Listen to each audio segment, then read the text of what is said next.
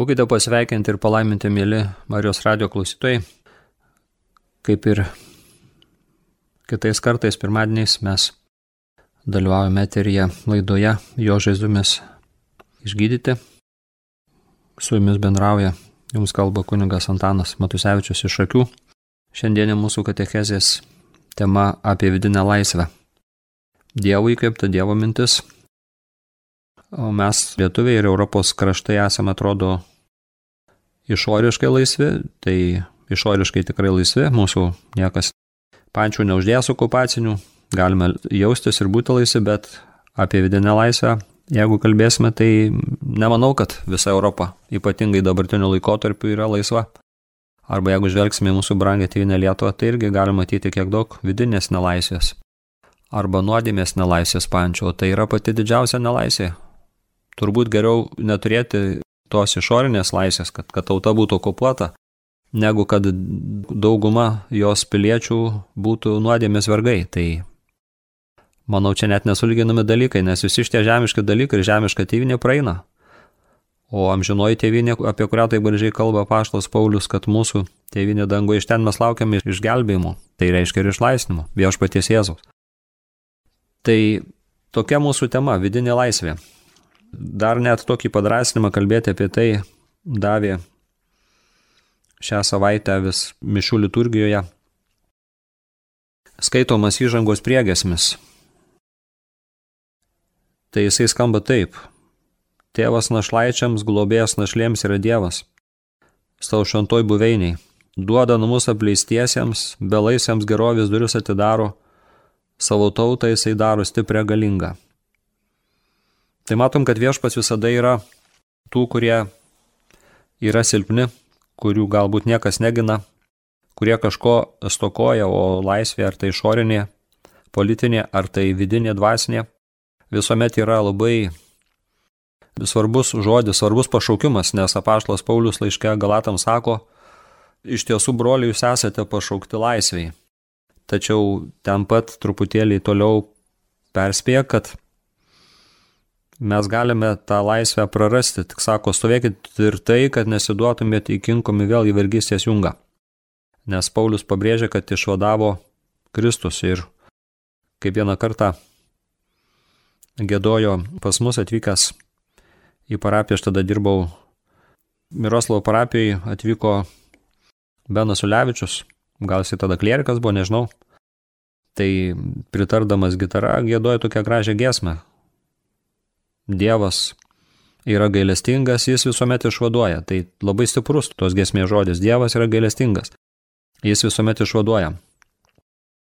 Bet kaip e, žinome turbūt iš savo patirties, ar tautos patirties, ar savo asmenės patirties, jeigu kalbėsime apie dvasinę kovą, tai dvasinė kova yra dėl to reikalinga ir būtina, kad laisvė kainuoja. Visi tikri dalykai jie kainuoja ir galim prisiminti viešpatį Jėzų, kalbantį apie Joną Krikščitoje, kad dangaus karalystė yra jėga puolama ir smarkiai ją savo grobė.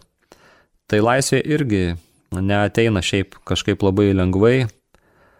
Žinome, kiek daug reikėjo visoje mūsų tautinės istorijoje, tautos istorijoje, kiek reikėjo gyvybių paguldyti už tą laisvę. Tai už vidinę laisvę taip pat reikia kovoti, kentėti, net mirti. Mes žvelgiame į viešpatį Jėzų, kuris tikroji laisvė arba tikrosios laisvės šaltinis, tikrasis išlaisvintojas. Kiek jam teko kentėti. Net būti žmonių nužudytam, bet paskui, žinom, viešpats prisikėlė ir, ir tokiu būdu sulaužė bet kokios nelaisvės.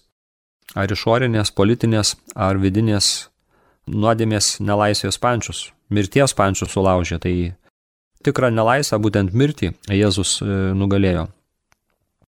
Todėl svarbu mums visuomet žiūrėti į viešpatį ir būti jo vedamiems, kaip matome, jisai trokšta ginti našlaičius, globoti našles, suteikti namus apleistiesiems, belaisvėms, atidaryti gerovės duris. Ir savo tautą jisai daro stiprią galingą. Tai kai matome viešpats nori, kad mes būtume stiprus, kad mes būtume drąsus, kad mes būtume ryštingi, kad būtume, na, bebaimiai Kristaus kariai, kovotume už jo karalystę. nes už laisvę reikia kovoti už bažnyčios e, sklaidą, laikė ir erdvėje, už bažnyčios ir Dievo karalystės sklaidą. Reikia kovoti, už laisvę reikia kovoti. Nes baimė tai yra turbūt didžiausia vidinės laisvės griovėja, baimė, suparaližuoja žmogų. Baimė suparaližuoja žmogaus protą, žmogaus valią, žmogaus jausmus, žmogaus kūną. Ir baimė tai yra vienas iš stipresniųjų piktojo ginklų, kuriais jisai naudojasi norėdamas žmonės įkalinti e, nelaisvėje, atimti laisvę, atimti džiaugsmą, sukiršinti žmonės, supriešinti. Tai vad viešpats yra tas, kuris išlaisvina iš tų baimų, kuris duoda drąsos. Ir prisiminiau vieną tokią situaciją, kuri atsidūrė pirmykštė bažnyčia, konkrečiai Jeruzalės bažnyčia, Turbūt e, nedaug buvo laiko praėję dar po viešpaties Jėzaus mirties priskėlimo ir dangun žengimo ir po sėkminių, turbūt tai buvo dar labai karšti įvykiai.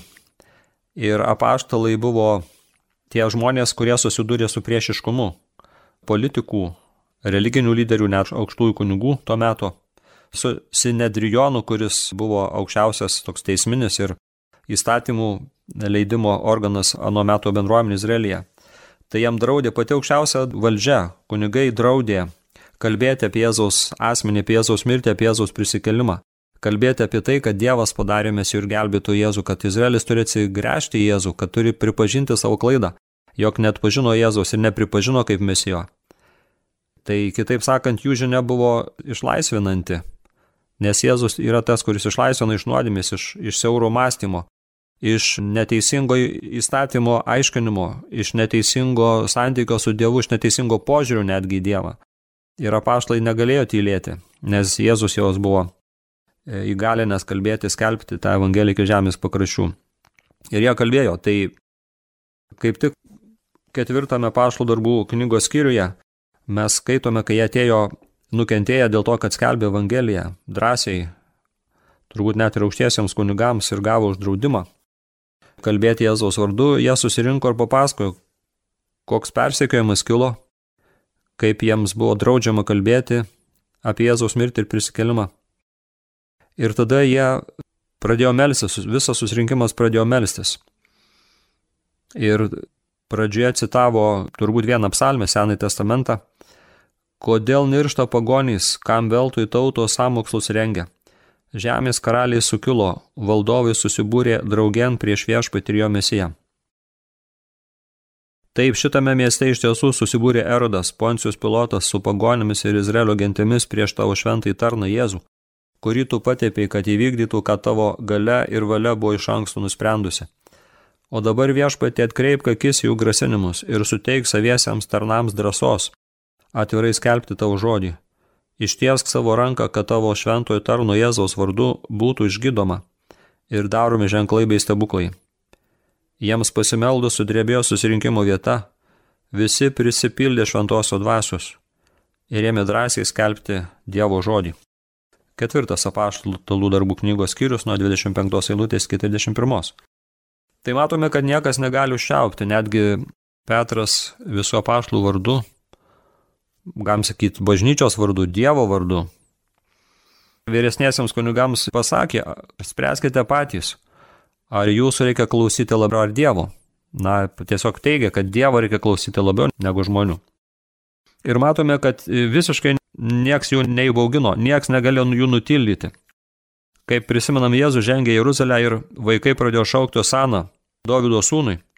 Tai fariziejai ar kunigai pradėjo paštlams sakyti, kad Ar Jėzui sakyti, kad nutildykit šitos vaikus? Ir tada viešpats Jėzus jiems davė atsakymą, jeigu šitie tylės, tai akmenį šauks. Iš tikrųjų mes matome, kad labai svarbu kalbėti. Bet kalbėti gali tik tas, kuris tiki. Kalbėti tai tikėjimą skelbti. Kristaus mirtį, Kristaus kryžių, Kristaus pergalę. Kristaus prisikelimą, atsigrėžimą, atsivertimą į viešpatį Jėzų. Atgailą gali skelbti tas, kuris tiki, kuris pažįsta viešpatį. Tai kitaip sakant, tai yra bažnyčio žinia, tai yra kiekvieno tikinčio, kiekvieno kataliko, kiekvieno krikščionio pašaukimas, net pati svarbiausia misija.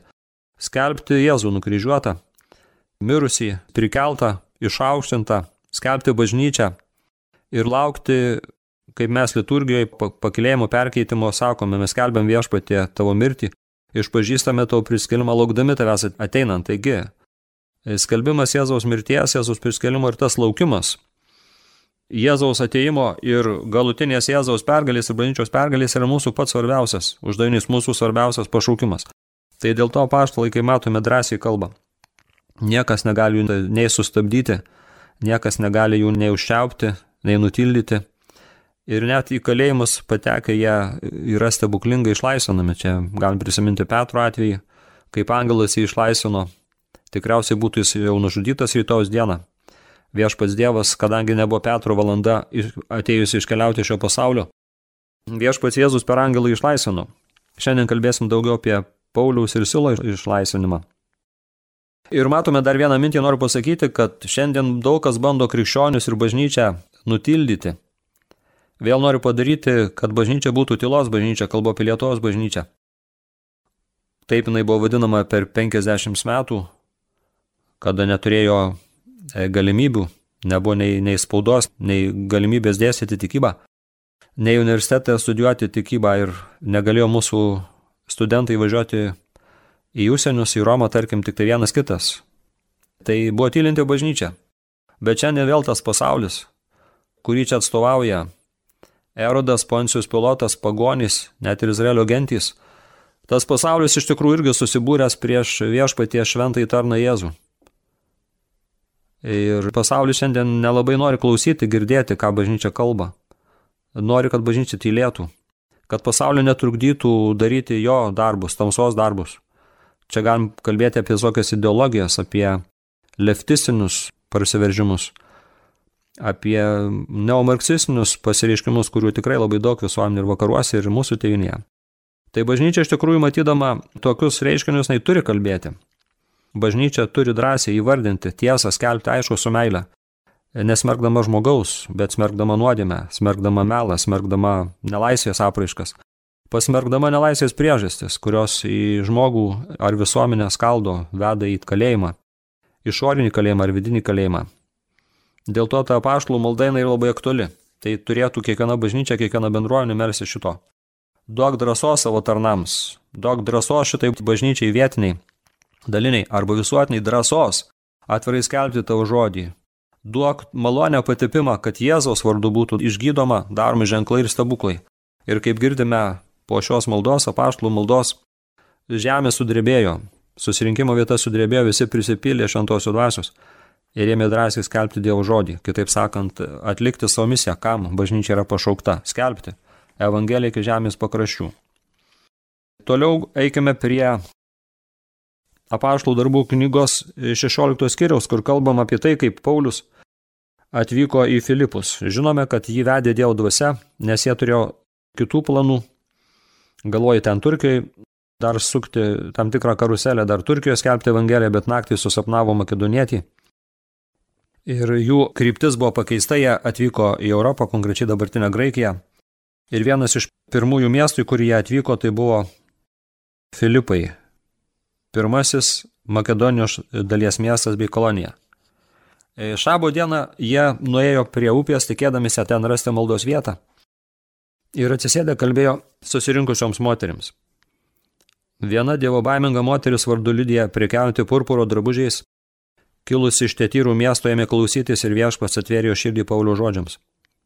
Jis su savo namiškais priemė krikštą ir pakvietė, jei mane laikote viešpaties tikinčiąją, ateikite ir pasilikite mano namuose.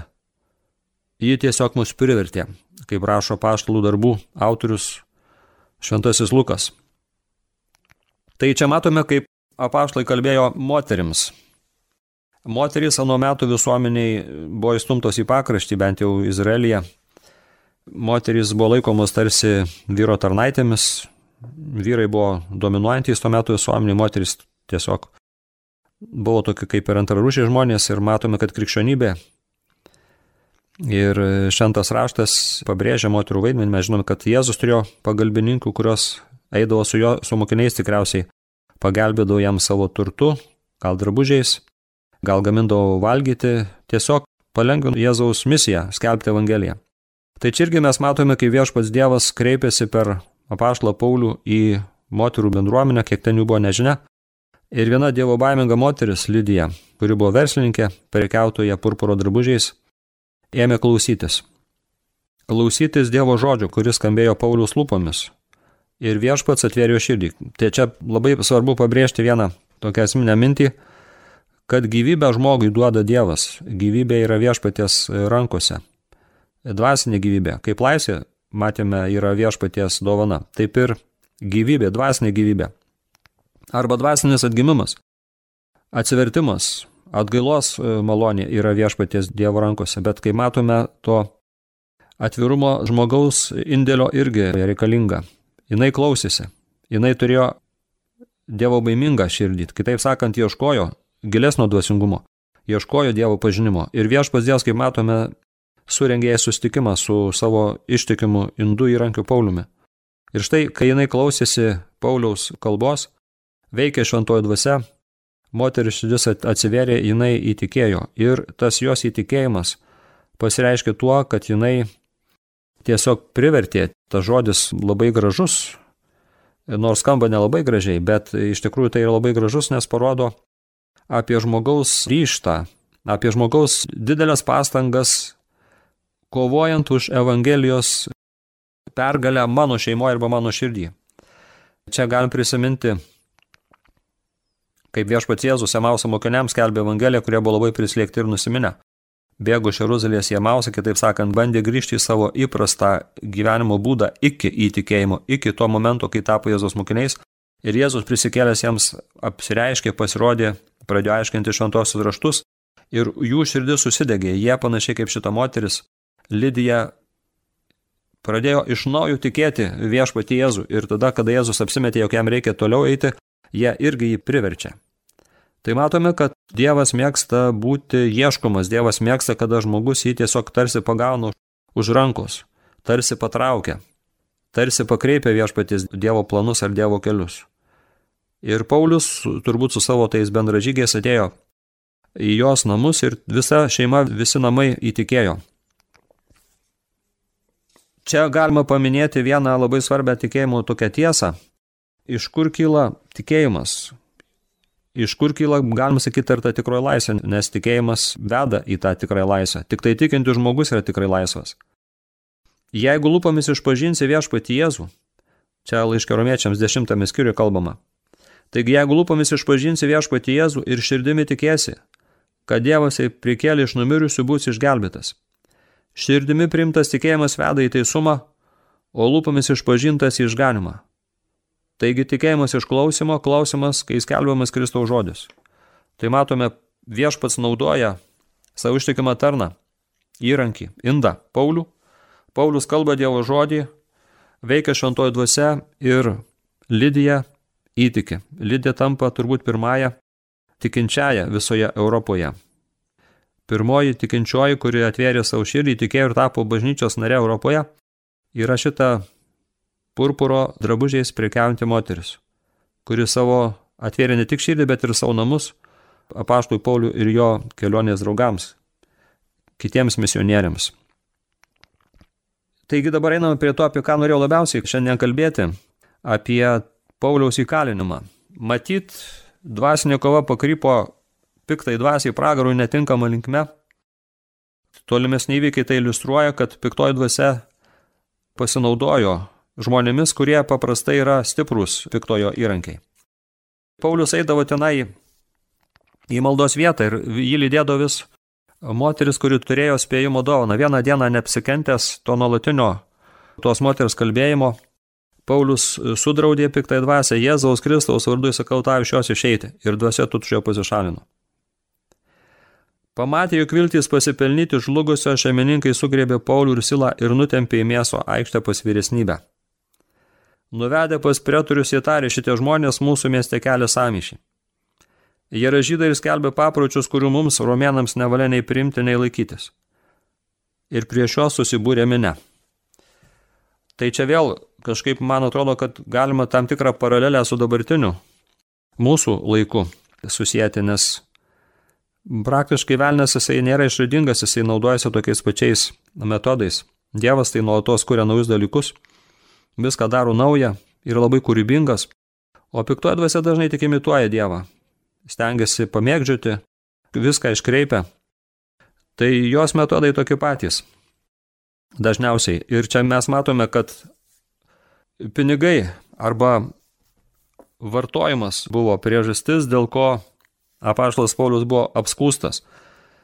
Tos moteris spėjimai nešė pelną, galbūt net buvo didelė pragyvenimo dalis arba pragyvenimo šaltinis tai šeimai. Tai vad pamatė, kad pasipelnyti jau nebus galima toliau, šeimininkai Paulių sugrebė ir tiesiog matyt supykę dėl tokio nuostolio, nutempė juos į mėgsto aikštę, apskundė, apšmeižė, apkaltino. Ir mes matome, kad vyksta, nu, toks kaip ir viešas linčiavimas, ką dabar galima matyti žiniasklaidos socialiniuose tinkluose, laikraščiuose, gal net laiduose, internetinėse, YouTube keliamuose. Nepatinkantys priešininkai, kurie gal kartais visai nekalti ir apkaltinami, kaip Paulius sužlugdomi, čia galim pasakyti, kad tai yra labai plačiai paplintantis reiškinys kaip mobbingas, susidorojimas, patyčios. Užtenka paskaityti tik tai internetiniuose puslapiuose komentarus po įvairiais straipsniais arba mokymais, kiek patyčių, kiek pykčio, kokie karai vyksta žmonių sąmonėje, žmonių protuose, tuose internetinėse laukose, kokios kovos vyksta, kiek daug agresijos, kiek daug pykčio. Ir nežinia kodėl, kartais net žmonės nesupranta, kodėl tiek daug yra to pykčio, kur kas iš viso to stovi. Ir šitas evangelinis pasakojimas iš apaštlų darbų duoda tam tikrą šviesą. Mes matome, kad labai dažnai pyktis kyla ten, kur žmonės valdo godumas, kur žmonės valdo tam tikros aistros, malonumai.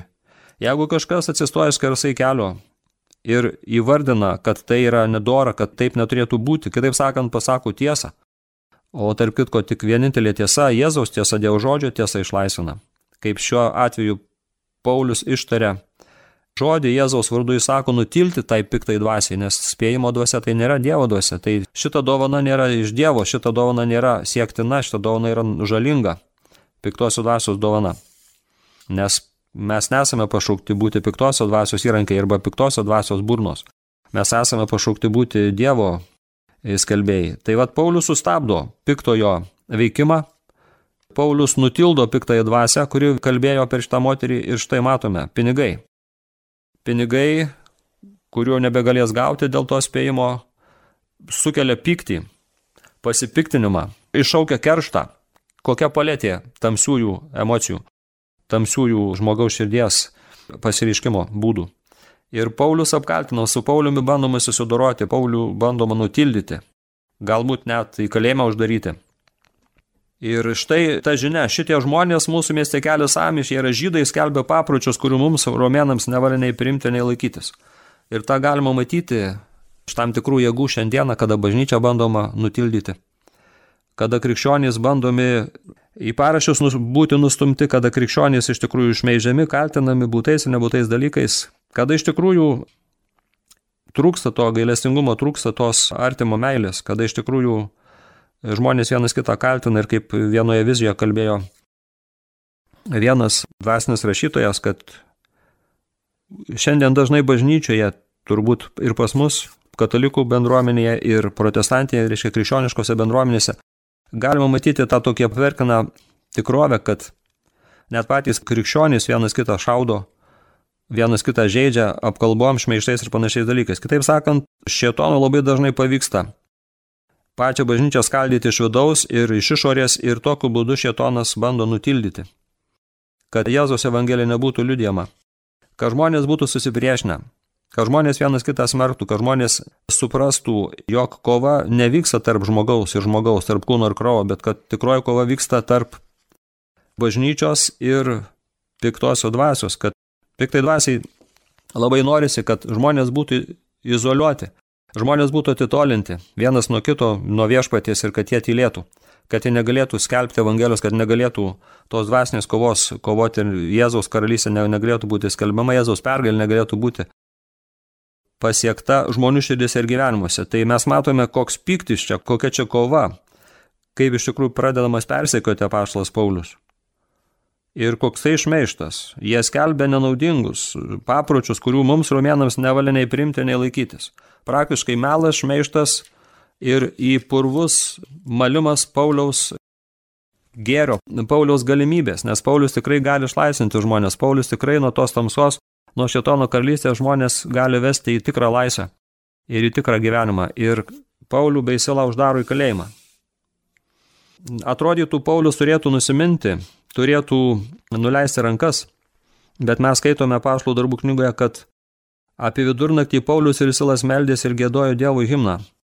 Kiti kalniai klausėsi, staiga kilo toks stiprus žemės drebėjimas, jo kalėjimo pamatai susvyravo.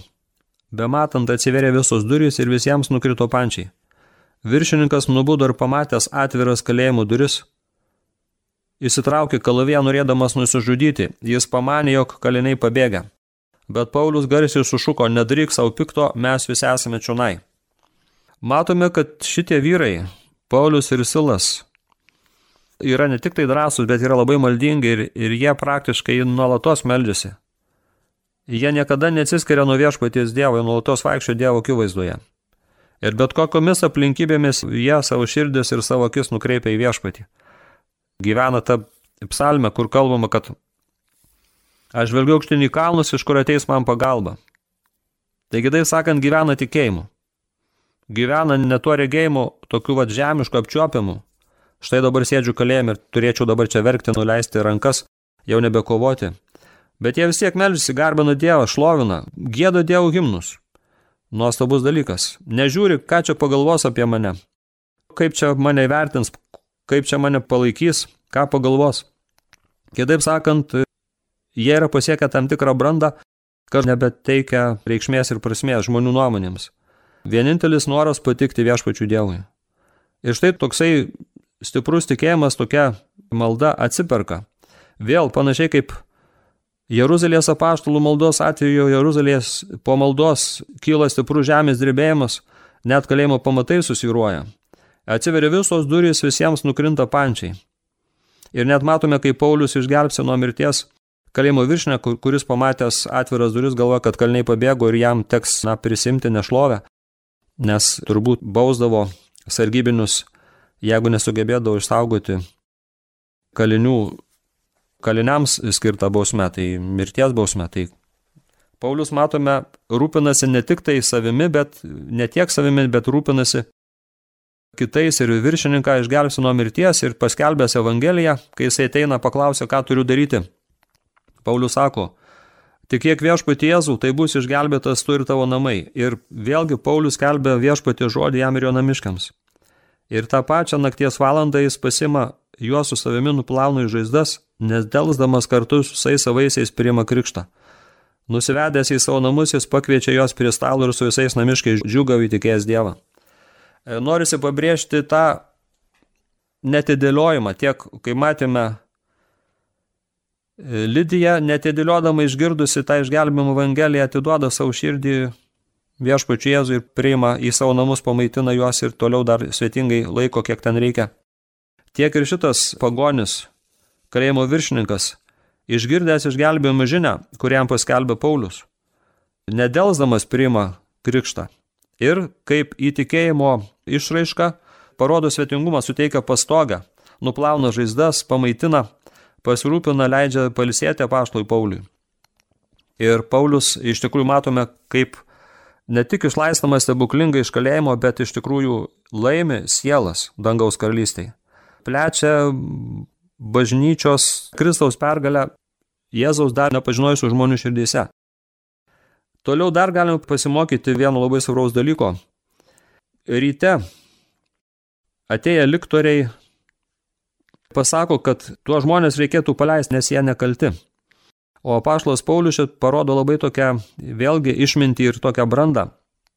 Jisai nenori šiaip paprasčiausiai išeiti, bet jisai matyt nori duoti dar pamoką, tam tikrą tikėjimo pamoką liktoriams. Jisai pasako tiems liktoriams, kad mūsų Romos piliečius be jokio tardymo viešai nuplakė ir įmetė į kalėjimą, o dabar nori slapčia paleisti. Šito nebus, tegul patys ateina ir išveda. Tai kitaip sakant, liktorė kaip pasiuntiniai turi nueiti pas pretorius, kad pretoriai atėję pas Paulių atsiprašytų ir patys jos paleistų. Matome, Paulius tiesiog elgesi kaip laisvas žmogus, kaip tas žmogus, kuris turi savigarbos, kuris turi saviverties. Ir šitas vienas motyvas, kitas motyvas nori dar, kad pretoriai gautų irgi gerą pamoką. Taigi pretoriai ateina, išsigasta, kad jie nubaudė Romos piliečius, ateina, atsiprašo ir įsivedę prašo, kad Paulius su savo draugais paliktų miestą. Vėlgi labai gražus pastebėjimas.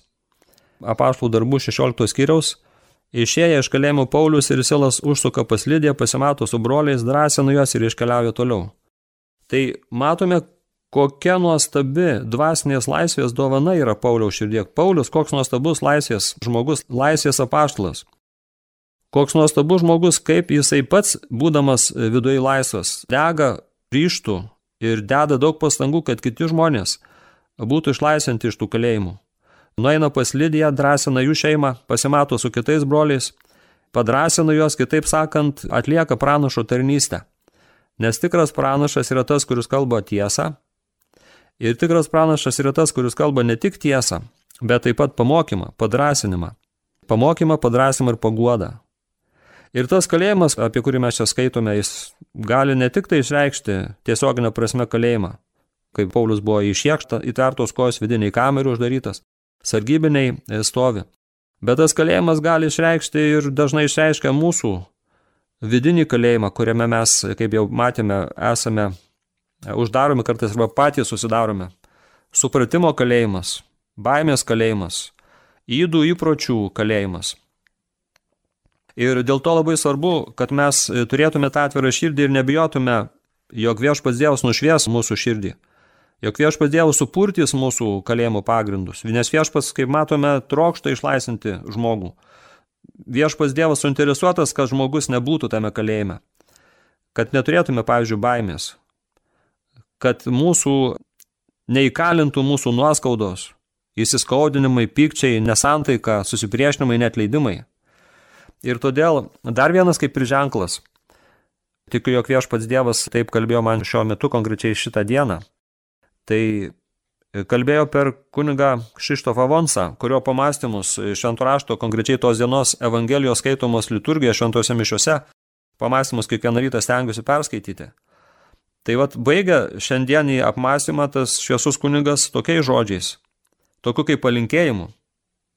Atvirai pasikalbėsiu su Jėzumi apie savo prisirišimus, kurie atitolina mane nuo jo karalystės Pakviesiu jį, tai reiškia Jėzų, į visas gyvenimo situacijos, kuriuose vyrauja didžiausia netvarka.